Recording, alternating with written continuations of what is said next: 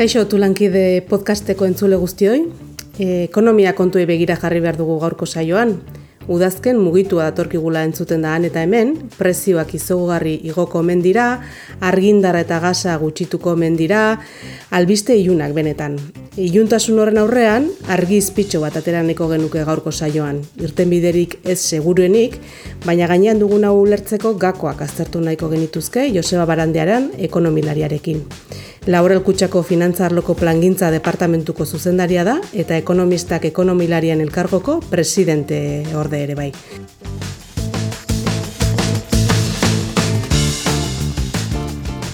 Kaixo Joseba. Kaixo. Ungi etorri tulankide podcastera. Eskerrik E, bueno, zer ari da gertatzen Joseba? E, Aguztuan oporretan ederki egotetik orain e, iuntasuna besterik ez da entzuten? Bueno, ez dakit hainbesterako den, ez? Nik uste dute oporren aurretik ere bat zeudela mm. ba, joera batzuk eta e, bueno, gerra bat ipat, ez? Hori ez da Europan gerra bat izatea bera ja, aurtengo e, kontua da. Eta, bueno, lehendik zuden ba, batez ere inflazioarekin lotutako arazoek ba, hor diraute, ez? Eta, bueno, horretan ba, azten saiatu garen arren egoera ez da inbeste aldatu azkena delako, pixkar geure, mm gehiago da geure jarrera kontu bat, kaso bai, kurtsu hasiera eta oporren bukaera eta guztia elkartu da, ezta. E, zein oinarri ditu datorkigun krisi honek edo dagoeneko pairatzen ari garen krisi honek?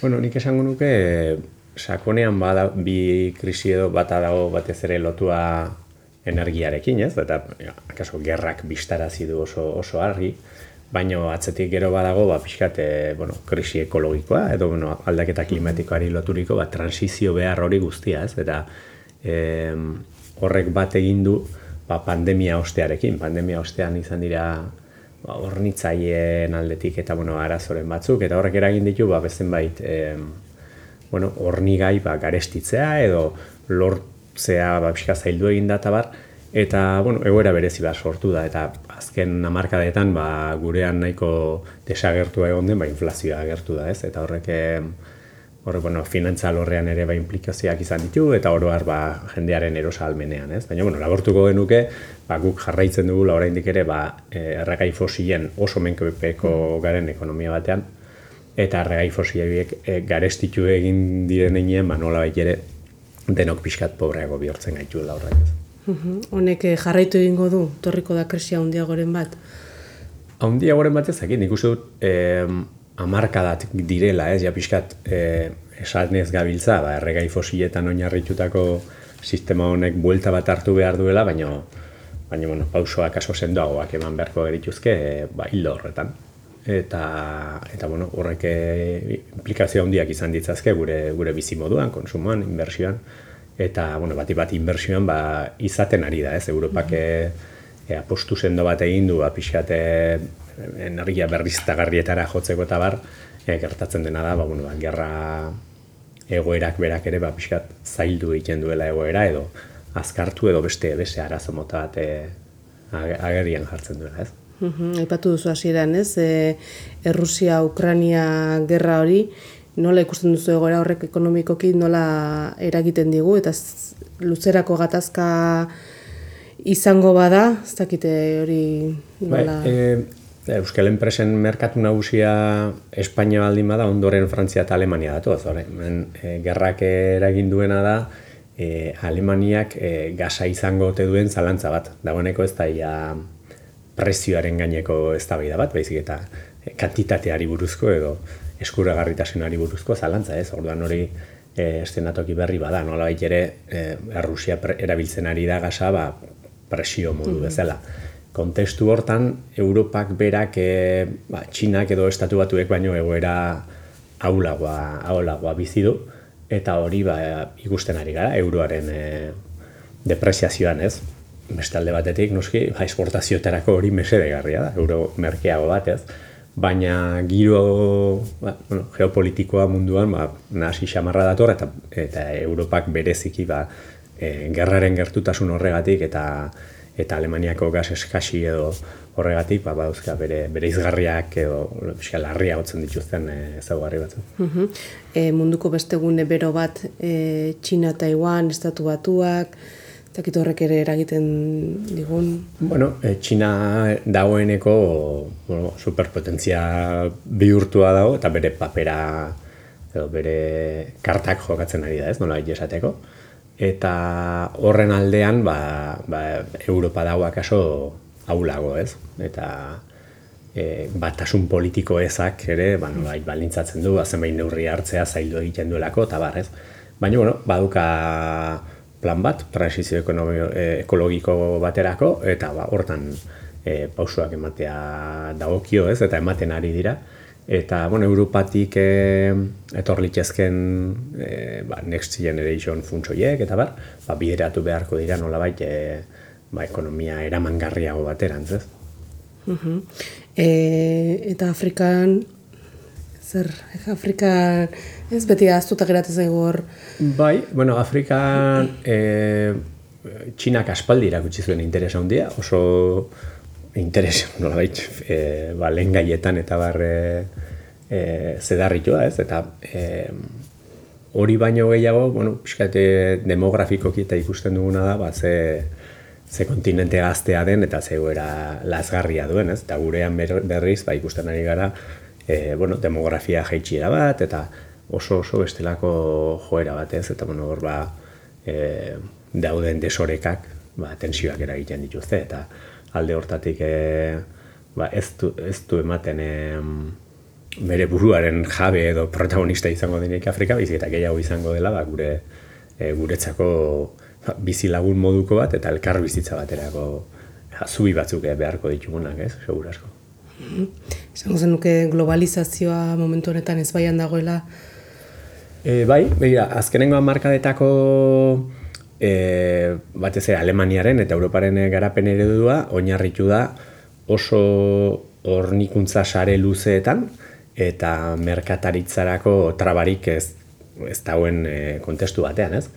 Eta bi gauza horiek, pandemiak berak erakutsi zuen, ez? Musukoekin, musukak ezin lortu, ondoren e, semieroaleak edo e, nola ikusten da oso hornitzaile urrunak eukitzeak, ba, bere desantaiak dituela, eta gainera ba, blokekako e, neurriak hasten dira, ez? Eta zigor ekonomikoak bai, baino hain batean, gero energiak bere bere izgarriak ditu, e, orain Errusia oso gaizto bezala margotzen du, baino gero ekialdeko e, petrolioaren menpekotasuna edo edo Afrika iparraldeko gasaren menpekotasuna handitzen du horrek, ordan e, alde hortatik, bueno, izan diteke aukera bat, ba, buelta bat emateko batez ere politika energetikoari eta eta kaso konsumo mailari edo bizimoduari ere bai, ez?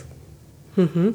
E, zer egin dezakegu gutako bakoitzak edo ze aholku eman zen ezake bueno, emateri eh, badago? garbi dago e, KPI edo inflazioaren igoerak e, guztioi eragiten digula, baino ez guztioi era berean, mm.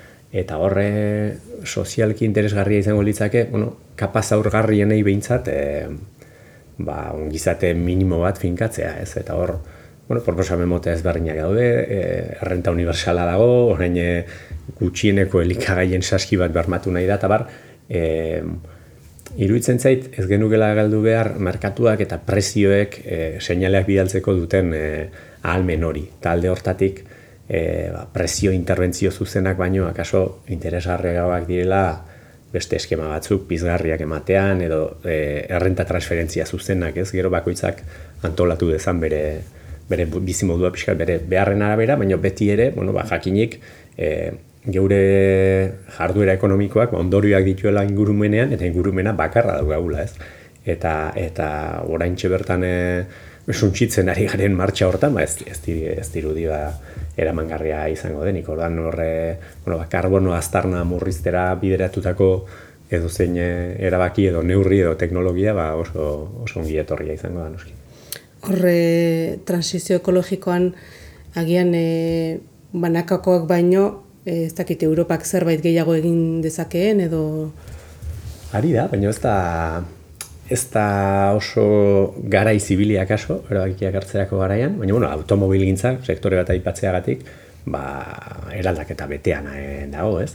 Eta neurri batzuk iragarri, eh? orain oso urrun ikusten diren urtei begira, baina garbi dago ba, mugikortasunari adibidez eragingo dioten e, aldaketak etorriko direla eta, eta garraioa elektrifikatu beharra ere, ba, geroz eta e, agerikoa dela, eta hortan ba, badira e, bueno, euskal enpresak ari dira, ez, e, lan horretan, eta batez ere, ba, kontuan izan gure esportazioetan ze pixu duten e, automobilintzak eta garraioarekin zer ikusia duten e, alorrek oroar, ba, bueno, hor, e, aukera bat ere badago e, euskal enpresentzat, eta erronka potentea izan liteke.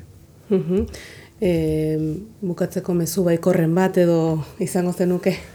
E, ba, hini pintzatzen dute baikorrak izan behar dugula, ezkorri izateak ez gaitulako inora eramango, ez? E, baino dauden arazoei ere, ba, bizkarre mateak ez dauka zentzurik, ez beti, e, bueno, pentsatu behar dugu daukagunarekin zer egin dezakegun, geure hau den konstiente izan, eta alde nenien ba, geure almenen gainetik ez bizi, ez? Eta oinarrizko beharrak pintzat e, asetzen saiatu, ez? Ba, izan e, maila sozialean, ba, ezkuntza, osasun gintza, bueno, pixkat e, benetan garrantzitsua diren e, gauzak ez nik azpimarra hortan, hortan jarriko nuke.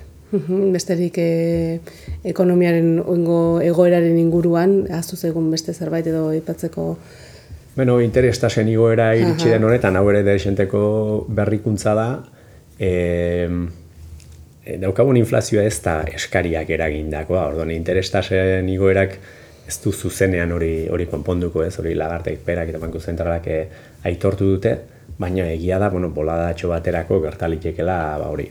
Oitutak egun baino interestasa handiagoak eragitea, eta horri KPIa gehituta, ba, e, zenbait, zenbait ekonomiak ba, su, sufritu egingo dute. Ba, nik uste dute ikuspuntu edo approach edo kooperatiboa beti e, krisi garaietan e, lagungarriagoa izaten dela, ez hori lehenago ere probatu izan da, eta bueno, alde hortatik e, itxasontzi kooperatiboan egotea olako ekaitz baterako, ba, nik uste positiboa dela. Mm Ba, bueno, mezu baikor horrekin geratuko gara, ezta? Ea ba. Ea ba, ba, eskerrik asko Joseba. Ba, zuei.